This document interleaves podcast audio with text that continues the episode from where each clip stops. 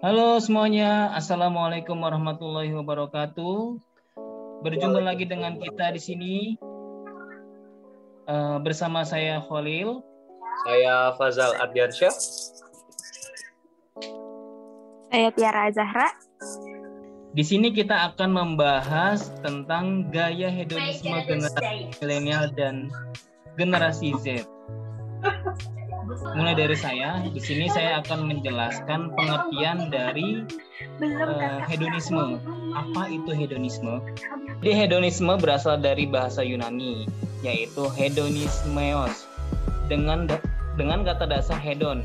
Kata hedon memiliki arti kesenangan, sedangkan hedonismeos diartikan sebuah cara pandang yang menganggap bahwa orang akan menjadi bahagia dengan mencari kesenangan sebanyak mungkin. Kesenangan tersebut bisa didapatkan melalui berbagai cara, seperti menikmati hiburan, memiliki harta, kegiatan seksual, dan sebagainya. Itu adalah uh, pengertian dari hedonisme. Nah, yang kedua yaitu kita akan membahas tentang uh, apa itu konsumerisme. Menurut KBBI ya, konsumerisme adalah paham atau gaya hidup yang menganggap barang-barang barang-barang mewah sebagai ukuran kebahagiaan, kesenangan, dan sebagainya. Atau bisa dibilang gaya hidup yang tidak hemat atau kata lain boros atau berfoya-foya demi kesenangan semata. Generasi milenial atau milenium adalah generasi yang lahir dari tahun 1980 hingga 1995. Generasi Z adalah generasi yang lahir dalam rentang tahun 1995 hingga tahun 2010. Ada juga nih definisi lain yang mengkategorikan generasi Z sebagai generasi yang lahir antara tahun 1996 hingga 2015.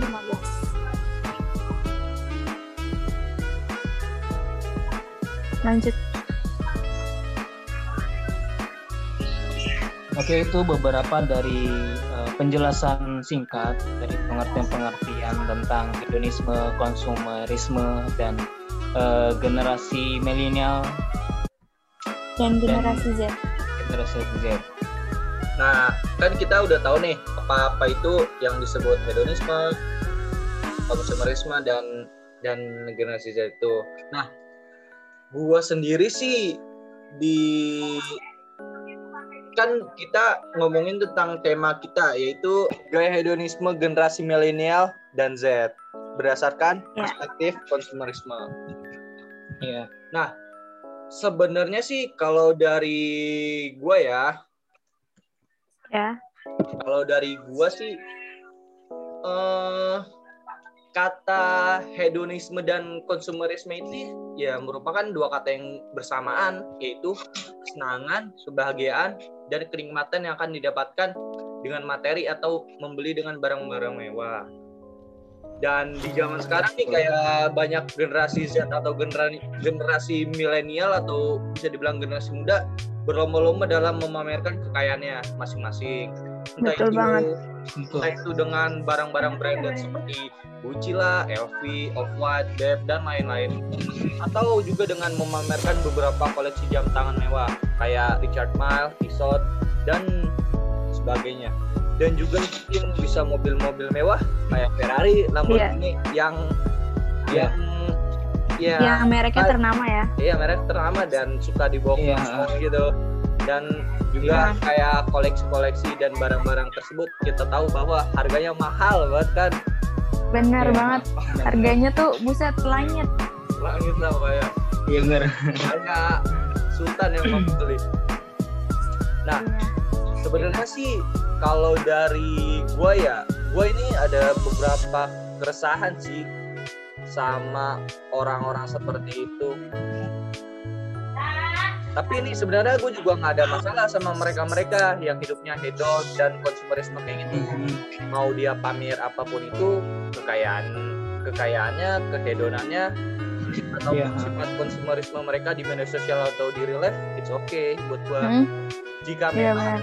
mereka secara finansial itu mampu buat melakukan mampu iya benar itu tapi soalnya banyak banget ya yang nggak mampu tapi maksain nah ya tapi yang jadi masalah yaitu jika ada orang yang mau mengikuti gaya hidup seperti itu tapi dia tidak memiliki finansial ataupun dana yang sesuai sama ke- kemampuannya dia.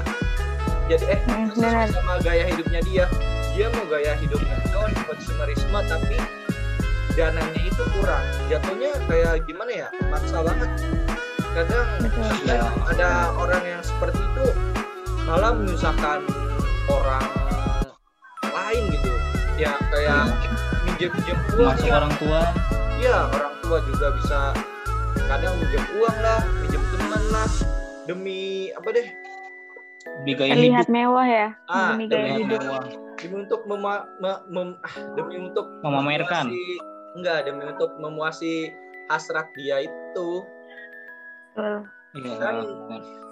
Banyak banget sih banyak banget cerita-cerita dari orang yang orang-orang yang gayanya hedon tapi finansialnya nggak mampu. Dia utang sana sini sana sini.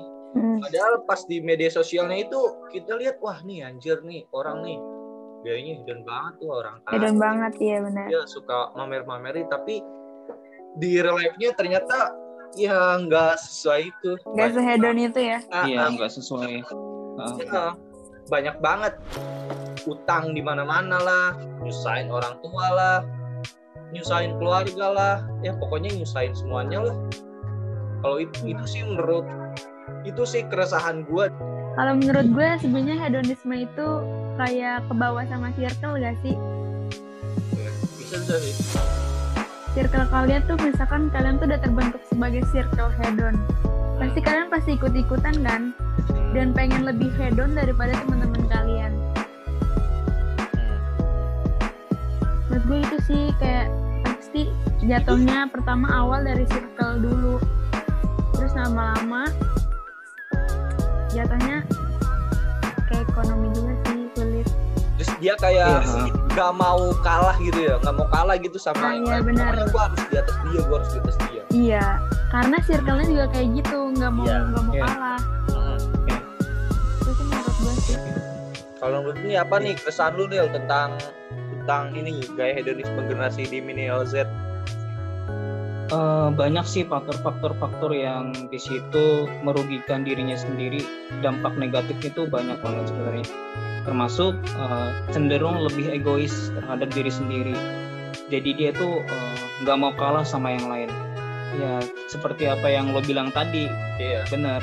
Jadi eh, lebih apa namanya? Lebih memenangkan diri sendiri ketimbang orang lain.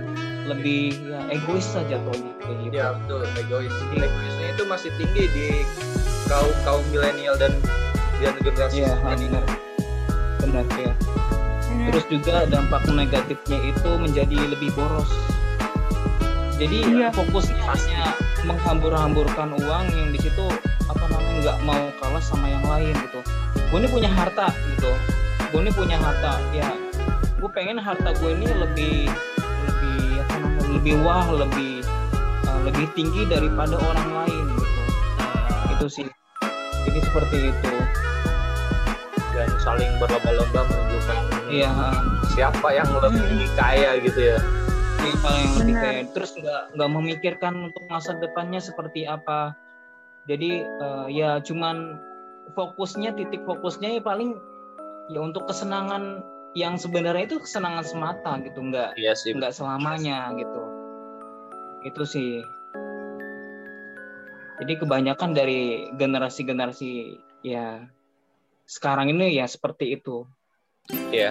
Egonya masih tinggi dan selalu ngikutin nafsunya. Termasuk ya kita juga sih. Iya, nggak dipungkiri sih pasti ada ya aja. Nah tapi nih, tapi nih ya, tapi nih ya. Iya. Ada beberapa orang juga sih yang maksudnya dia hedon, tapi dan konsumerisme, tapi Mm-mm. ya kehedonannya dia itu bisa dibikin jadi cuan gitu. Ngerti ya? Iya. Iya benar. Iya, gua ngerti. Iya, ngerti. Heeh. Eh, Jadiin konten gak sih? ah bisa jadiin konten Iya. jadi uang salah satunya ini kayak apa deh kan banyak tuh sekarang lagi apa deh tren kayak hype bis hype bis gitu. Hmm. Ya, kayak jual-jual barang-barang hype bis lah. Nah gua kan kadang tuh suka nonton YouTube ya YouTube YouTube gitu nah ada beberapa orang kita sebut aja lah ya kayak channel YouTube Yosiolo Oh, Ya, berapa harga outfit lo ya? ya yang itu. Ah.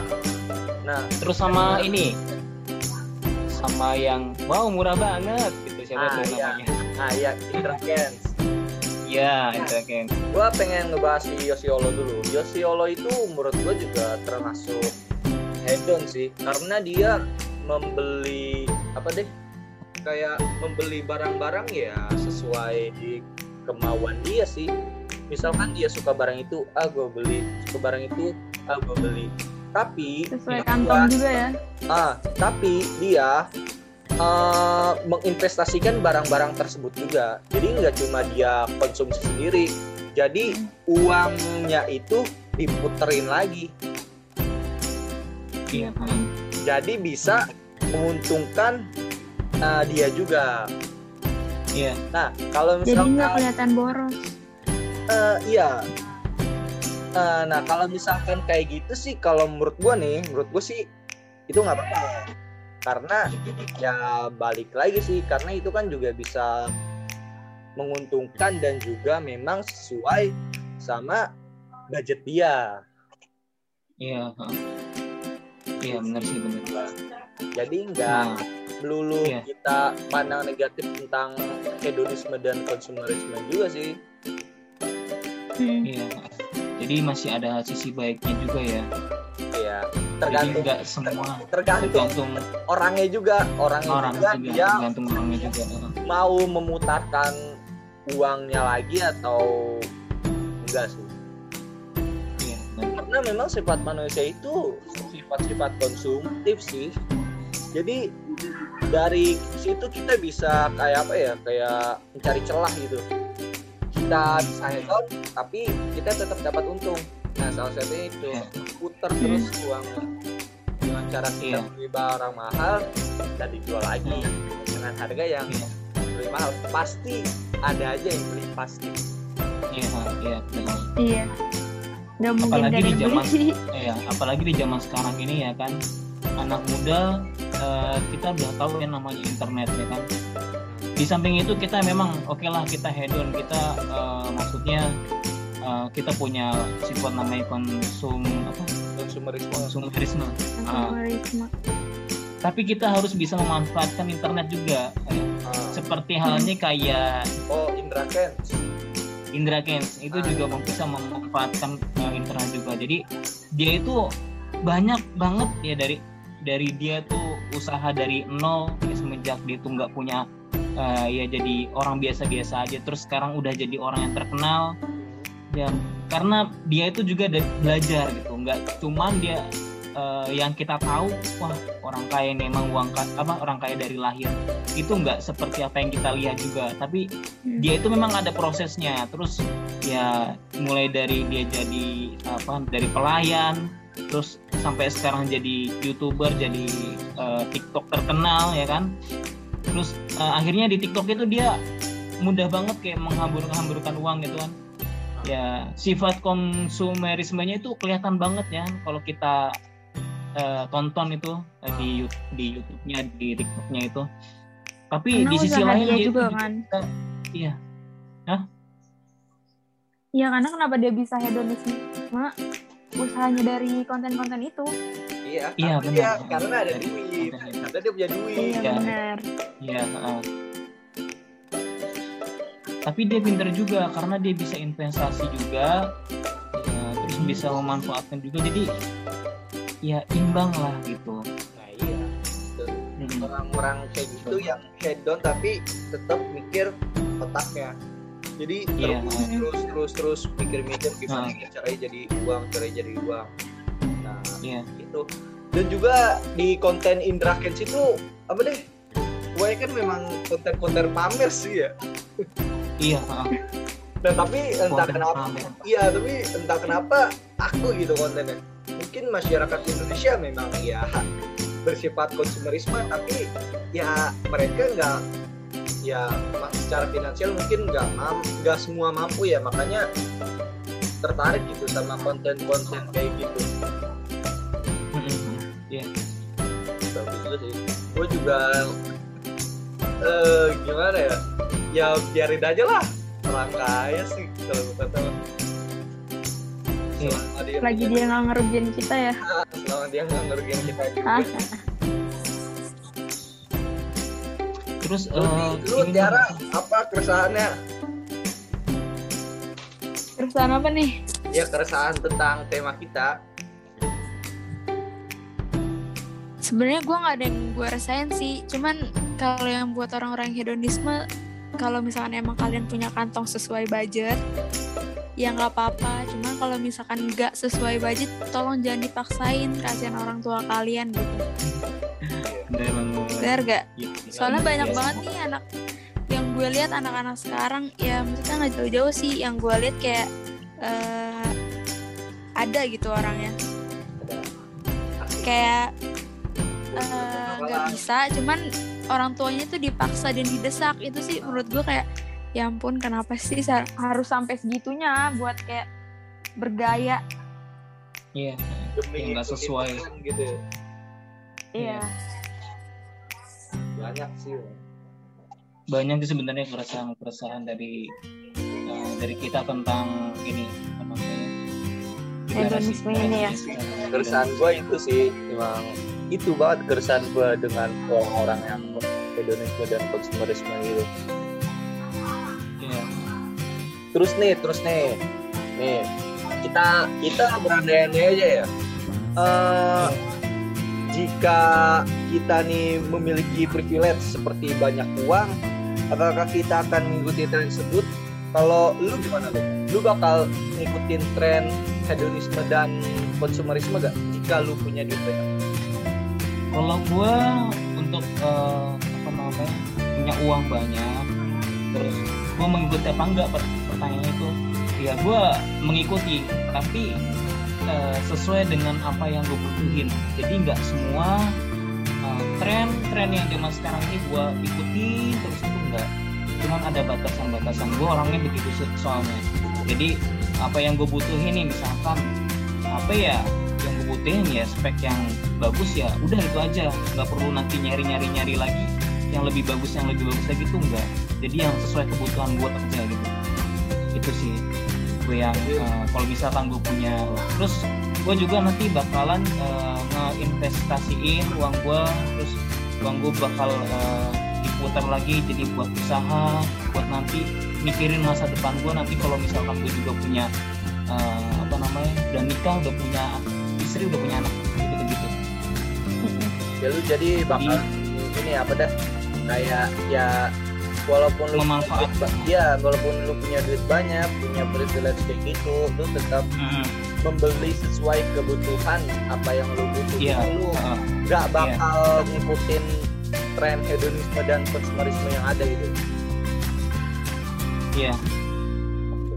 kalau lu tuh gimana sih Kalau gue, gue jujur ya, kalau perempuan tuh pasti ada dong sifat hedonismenya. pasti.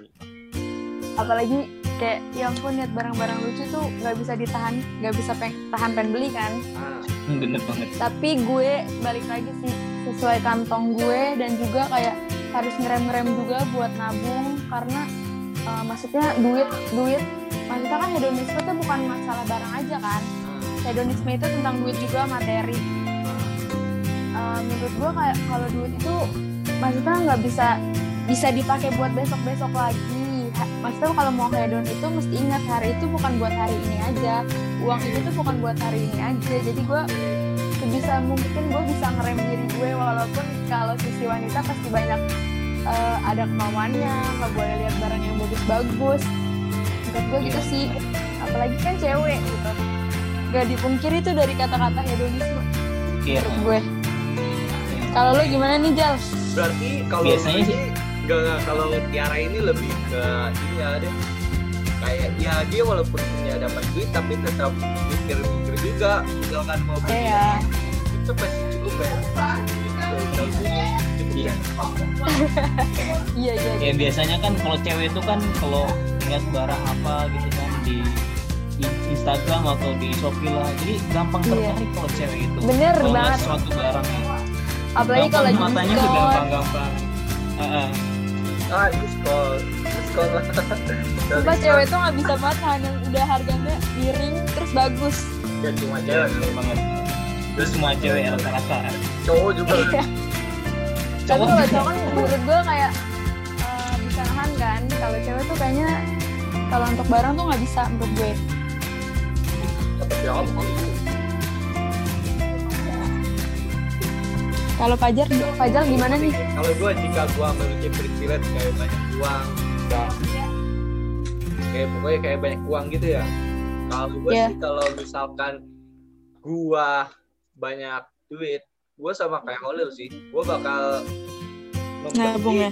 enggak gue membeli Saham. sesuai bukan membeli saham gue membeli Hmm. kebutuhan yang memang gue butuh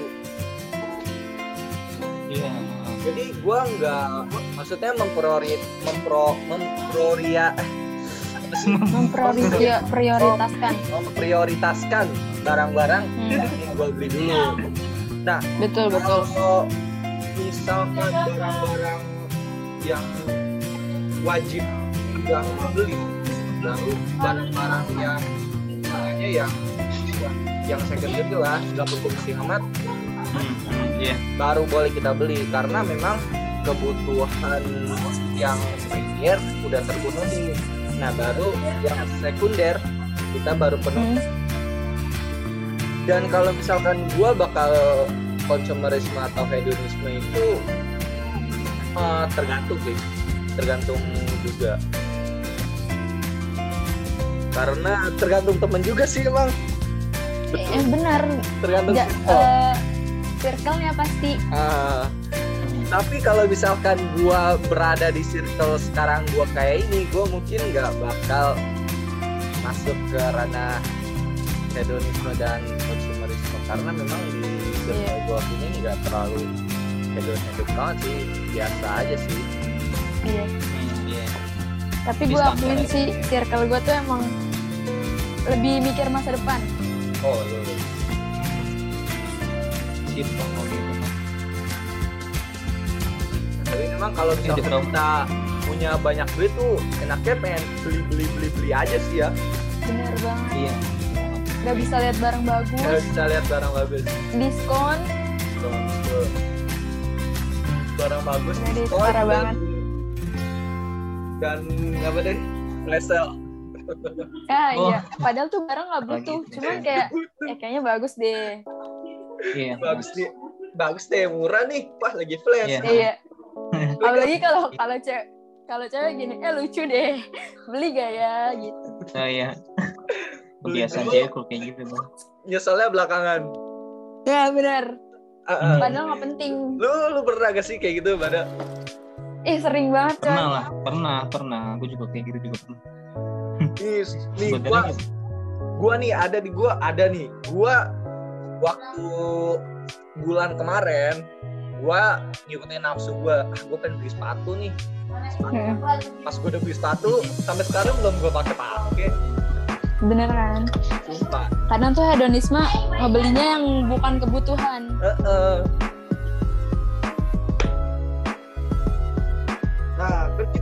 dari tadi udah ngebahas nih tentang hedonisme, konsumerisme, dan iya macam-macam lah di generasi Z itu.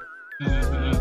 Kesimpulannya, kalau menurut pandangan gue pribadi sih, sebenarnya hedonisme dan konsumerisme itu di mata gue sah-sah aja sih. Jika mereka memang apa deh eh, finansial dan kemampuan mereka itu mampu buat melakukan hedonisme dan konsumerisme itu. Dan juga sebelum mereka melakukan itu, dia juga mungkin harusnya paling enggak ya sudah punya tabungan tersendiri lah untuk untuk paling enggak bisa ngejamin dia untuk hidup biar sifat-sifat hedonisme dan konsumerisme itu tidak tidak memakan dirinya sendiri jadi dia itu dengan tenggelam dalam hedonisme dan konsumerisme itu dan juga tadi kan kita juga bisa memutar otak ya dengan cara kayak kita bisa memanfaatkan hedonisme dan konsumerisme Hmm, iya. kita untuk dijadikan uang. Ya salah satu itu dengan salah satu salah satu itu ya bikin konten lah kayak infraken lah atau bisa kayak jual-jual barang-barang lagi lah. Kayak misalkan lu beli dan jual barangnya lagi lah. Itu itu sih selama ya selama mereka melakukan dengan benar sih. Kalau misalkan hedonisme yang nggak benar ya mereka merugi diri sendiri. Karena memang di generasi-generasi Z dan milenial. Kita ini kan generasi milenial bisa disebutnya. Nah, kayak kita ini itu nafsu-nafsu untuk membeli barang-barang yang sebenarnya nggak kita butuhkan itu tinggi. Kita harus bisa mikir dan menahannya sih kalau kata gue kalau menurut gue seperti itu. Benar. kalau menurut Iya. lu Menurut gua kesimpulan hedonisme ini pandangan hidup yang menganggap bahwa kesenangan dan kenikmatan materi adalah tujuan utama hidup. Bagi para penganut paham ini, bersenang-senang, pesta pora, dan pelesi- pelesiran merupakan tujuan utama hidup, entah entah itu menyenangkan bagi orang lain atau atau tidak. Menurut gua kayak gitu sih kesimpulannya. kalau menurut gua, konsumerisme dan hedonisme bagi eh, generasi milenial dan generasi Z itu sebenarnya sih eh, dari faktor lingkungan ya itu gede banget udah dari faktor lingkungan. Cuman eh, dari kita tuh harus bisa selalu eh, mendengarkan motivasi-motivasi entah itu dari eh, siapa pun itu berisik itu tuh dan kita harus bisa sorry sorry sorry lah gue potong Lagi lagi lagi lagi maaf maaf. Itu apa sih berisik apaan sih? Berisik Udah, serius, udah. serius. suruh pergi langsung Lagi. suruh pergi Ya udah ya udah udah anjir udah. Udah udah. Dalem Jadi kalau nih, oke. Jadi kalau eh, menurut gua eh, untuk hedonisme dan konsumerisme bagi generasi milenial dan generasi Z itu eh, kan eh, apa namanya banyak nih ya kalau apa namanya sih eh, dari faktor lingkungan itu kan gede banget ya. Ya, jadi faktor lingkungan itu mempengaruhi banget untuk generasi-generasi zaman sekarang itu. Nah, untuk eh, apa namanya menangkal semua itu ya solusinya kita harus bisa eh, selalu mendengarkan eh, motivasi-motivasi, terus eh, mendengarkan nasihat-nasihat agama yang di situ memot- memotivasi diri kita agar tidak boros dan tidak bisa terpengaruh dari sifat-sifat konsumerisme dan hedonisme ini. Gitu menurut gue kayak gitu. Jadi kan kalau dari agama atau motivasi-motivasi itu kan pastinya kan kita kan disuruh untuk eh, mujahid mujid ya. Gitu, Iya. gitu tuh selalu apaan tuh apa namanya menghemat harta kita jadi Oh, nggak iya. boros Oke, terima kasih untuk semuanya yang sudah mendengarkan podcast ini. Eh, tadi eh, kita eh, membahas tentang eh, hedonisme dan konsumerisme bagi generasi milenial dan generasi Z. Adapun kurang lebihnya saya dan teman-teman meminta maaf yang sebesar-besarnya. Sekian dari kita. Assalamualaikum warahmatullahi wabarakatuh. warahmatullahi wabarakatuh Waalaikumsalam. See you again. Dah. Siap. Oke. Dadah.